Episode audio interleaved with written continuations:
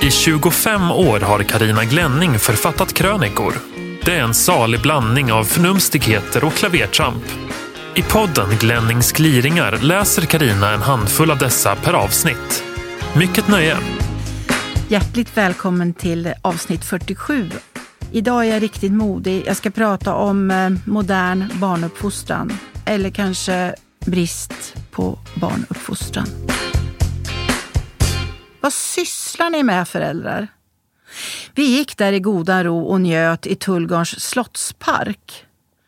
Så med ens bröts friden och fåglarna tvärtystnade. Ett illtjut skar genom försommargrönskan. Det lät som en stucken gris, ljudet var öronbedövande. Larmet kom från en cyklande pojke på sju, åtta år. Efter gick hans föräldrar. Han tjöt konstant, endast med uppehåll för att då och då hämta andan. Det var då gubben gormade ”Nu håller du mun!” och ungen tvärtystnade. Hade vi befunnit oss närmare hade gubben säkert blivit utskälld. Ingen tillrättavisar ju numera andras ungar och inte de egna heller. På ett hotell på Gran Canaria i våras sprang två ungar omkring och illvrålade på samma sätt i frukostsalen.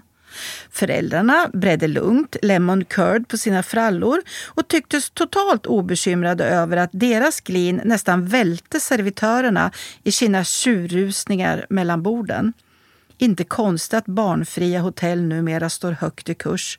Det är fullt förståeligt att människor utan barn inte vill få känslan av att semestra mitt i Skara sommarland eller äta frukost på busfabriken. Jag hör berättas om en femåring som krävde att få glass till middag. När servitören kom med köttbullar drämde han tallriken i golvet. Det upprepades när servitören, efter att sopat upp porslinsskärvor och mat, kom med pannkakan som mamman beställt. Jag ska ha glass! vrålade ungen. Och vid servitörens tredje vända fick han det. Varför tog inte föräldrarna ungen under armen och gick ut? Jag vet att det finns barn med handikapp eller olika diagnoser som gör att de inte uppträder som andra. Det är inte om dem jag pratar här. Jag pratar om ungar vars föräldrar fullständigt har abdikerat, som idkar fri uppfostran och låter sin avkomma bete sig hur som helst oavsett om de förpestar för alla i omgivningen. När blev det så här och varför?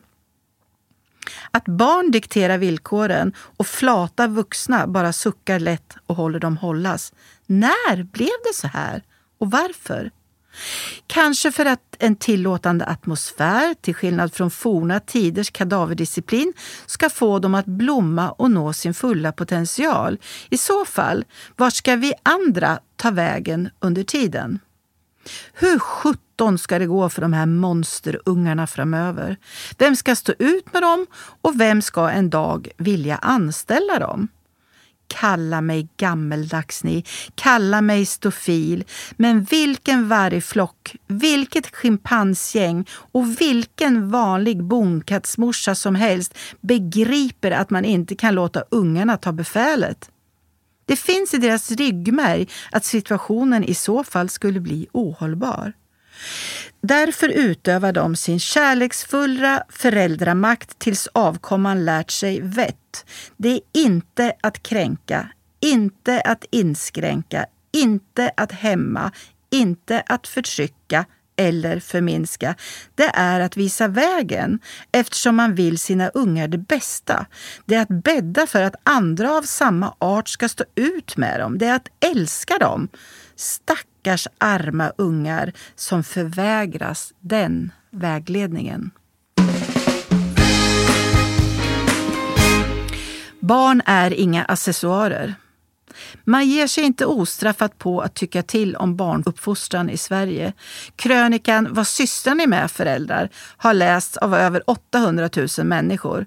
Jag stack nosen i ett getingbo. Så här skriver några av dem, arga. Du har inte med våra barn att göra. Jo, så länge de förpestar för andra så har alla med dem att göra.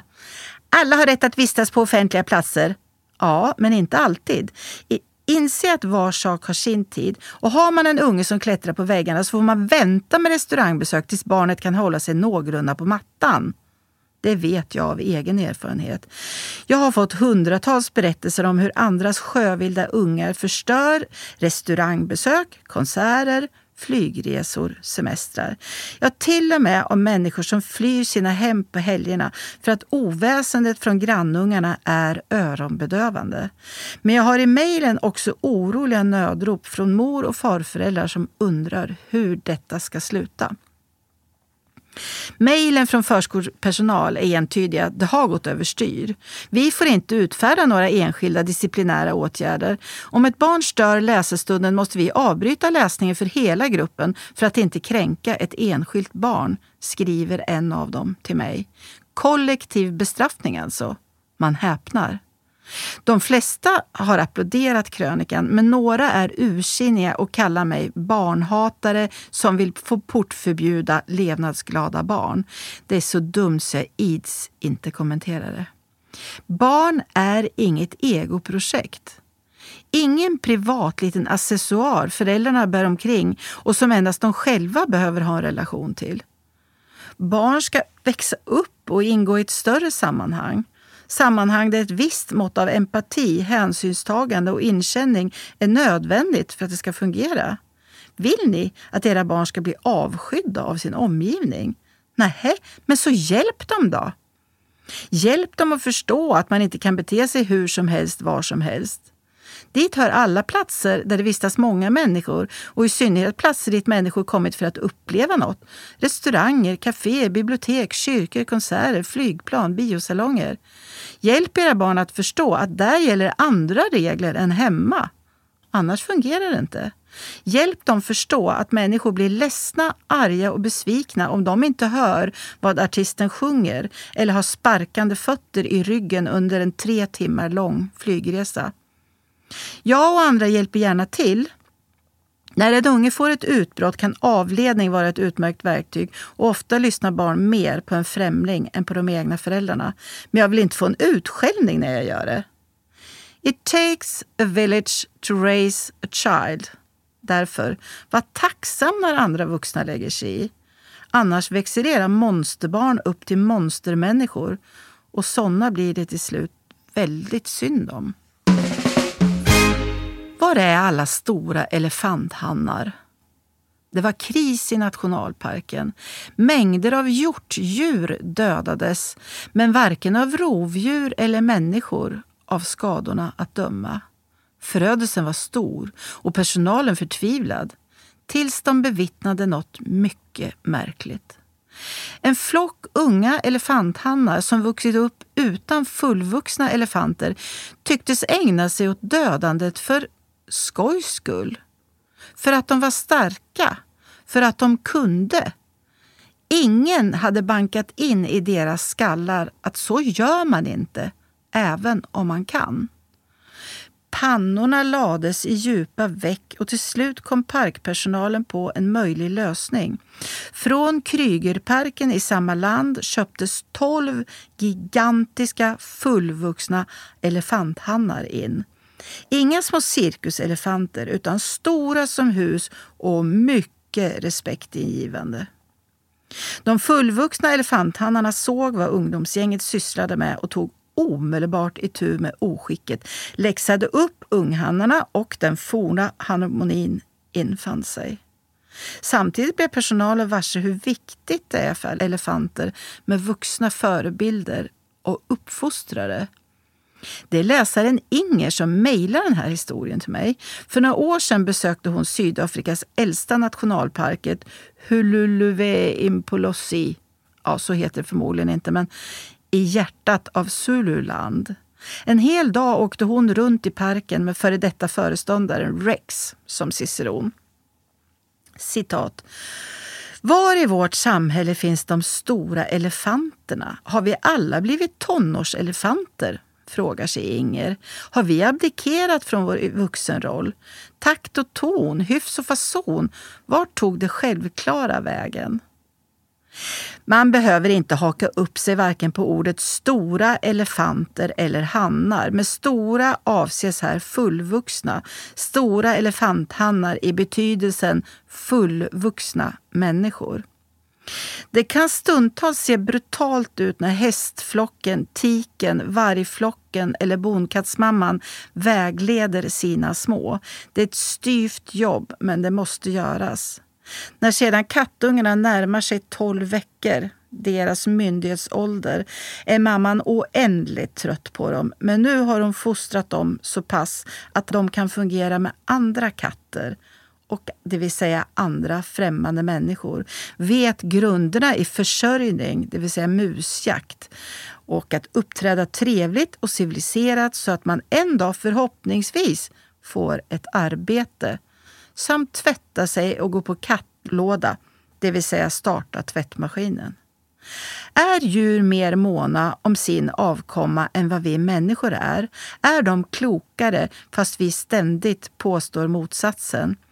Jag vet inte, men nog har de en kollektiv och instinktiv känsla för vad som krävs för att flockens ungar ska fungera i ett större sammanhang. En rektor skriver så här till mig. Jag har tyvärr sett resultat av så kallad fri uppfostran. Ofria, oroliga och osäkra vuxna med ett grandiost ego som har svårt att se sig själva i ett större sammanhang. Individen och det unika med varje individ hyllas i vårt samhälle. Det finns bara en som är som du. Kanske är vi snubblande nära att betrakta oss själva på samma sätt som vi betraktar utrotningshotade arter. Det finns bara en av mig. Bäst att se till att jag får utrymme.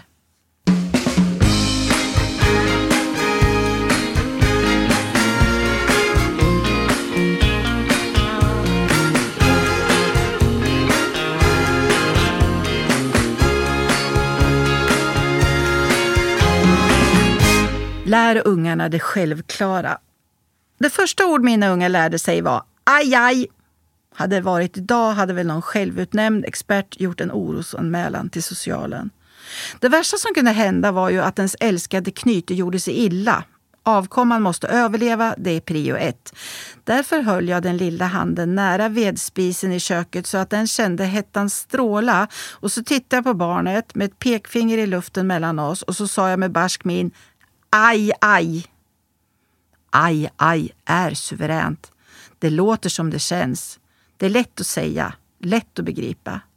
När de förstått att innebörden applicerades aj, aj på annat som var förbjudet, antingen för att det var farligt eller bara korkat, som att krypa i trappan utan ledsagning, röra vreden på spisen, dra katten i svansen, slänga mat på golvet. Aj, aj! Snart höjde de själva fingret i luften och sa aj, aj när katten kom för att checka om det fortfarande var förbjudet att dra den i svansen. Det var det. Men klappa fint gick bra. Lite längre upp i åren lärde de sig att den som tjatar om godis i affären aldrig någonsin får något. Tjatar man däremot inte kan det hända att man får en bit då och då. Många gånger var jag nära att falla till föga bara för att få ro. Men då gick spökrösten igång i huvudet. Kapitulerar du nu lär du dem att tjat lönar sig. Nu har många för sig att negativt beteende helt ska ignoreras medan det positiva ska förstärkas med applåder. Sorry, jag hade verkligen inte den tiden eller tålamodet. Jo, att applådera men inte att ignorera. Jag funderade överhuvudtaget inte över någon särskild pedagogik. Allt var magkänsla för att få vardagen att fungera och bli uthärdlig. Magkänslan sa att det var mitt uppdrag att förmedla ett hyfsat allmänmänskligt beteende. Alltså. Det är trevligt med människor som hälsar och tackar. Så i samma veva som aj aj kom hej och tack tack. Självklart kom en massa andra ord in också. Småbarn härmar och bubblar ju oavbrutet. Det är trevligt med människor som säger kan jag få istället för jag ska ha. Så det övade vi på lite senare. Precis som det är trevligare med vad sa du än va? Det är trevligt med människor som kan säga förlåt så en bit in på livets stig tränade vi på det också. Eftersom jag själv gjorde dumma saker ibland så var det i början bara jag som sa det. Men de snappade upp det. Förlåt. Det är trevligt med människor som ser en i ögonen när de pratar istället för att mumla inifrån luvtröjans mörker och inte ägna middagarna åt mobilen. Så därför åkte luvan av och mobilen bort när vi åt. Det är bra med människor som är någorlunda trygga i sig själva och inte ängsliga hela tiden. För deras egen skull, om inte annat. Därför fick de tidigt öva på att vara med andra vuxna, utan mig. Och så gav jag dem uppdrag för att de skulle se att de kunde själva och därmed få känna stolthet. Allt det här är självklarheter, kan man tycka. Det kallas folkvett. Men nog saknar man det allt oftare. Men var är själva hästen? Kulturupplevelser berikar. Jojo. Nu ska jag berätta om när jag som sjuåring råkade hamna framför en porrfilm på bio och förlorade min oskuld, åtminstone den själsliga. Det var i slutet på 60-talet. Jag var sju år och hästtokig. Jag och bästisen slukade hästböcker i samma rasande fart som mördarsniglar reproducerar sig. Favoriten var Svarta hingsten. Den magnifika arabiska hästen med snabba hovar och ett hjärta av guld. Jag grät mig igenom böckerna och låtsades att den feta ponnyn på ridskolan med det äggande namnet Dark Secret var svart fast han egentligen var brun. Men om man kisade i stallets skumrask blev han nästan svart. Nu fick min kompis och jag i en annons i lokaltidningen se att filmen Svarta hingsten kommit till stan. Den måste vi se. Godis, bravokolor och zoo om jag inte missminner mig, inköptes av den fryntliga damen bakom glasdisken på en av stadens biografer. Förväntansfulla fick vi biljetterna rivna av en rätt ålderstigen och måhända skumögd biljettkontrollant. Vi bänkade oss längst fram, allt för att i detalj kunna närstudera vår svarta idol. Därav noterade vi inte att den övriga publiken bestod av sju utspridda karar i medelåldern. Handlingen i korthet, kolon. En vit man på USAs västkust är med om en svår trafikolycka. Så när som på skrevet klarar han sig dock undan med livet i behåll. Samtidigt i New York omkommer en svart man av oklar anledning. En kirurg får den nyskapande idén att låta den svarta mannens penis transplanteras till den vita mannens krossade skrev så att den kom till glädje, så att säga. När patienten får se sitt nya underrede blir han lika häpen som överlycklig. Han har aldrig skådat ett så storslaget kön. Inte riktigt i samma nyans som resten av honom, men vad gör väl det?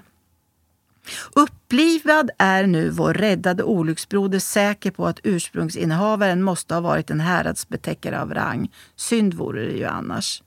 Penismannen beger sig till New York där han vet att Lemmes ursprungliga ägare framlevt sina dagar och ger sig i kast med att härleda könets ursprung. Detta genom att systematiskt lägga under sig alla kvinnor som kommer i hans väg och för all del även de som inte gör det. Någon måste ju känna igen detta praktfulla organ. Men var är själva hästen? minns jag att vi förbryllat viskade till varandra där i biomörkret på första bänkraden när filmen nått halvvägs och vi bevittnat fler samlagsscener än vad alla Sveriges sjuåringar sammantaget torde ha gjort i den åldern.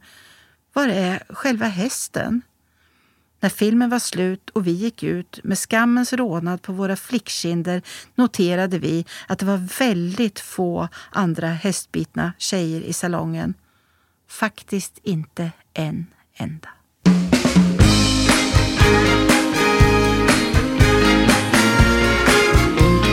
Du har lyssnat på Glennings gliringar. Ansvarig utgivare, Christer Kustvik.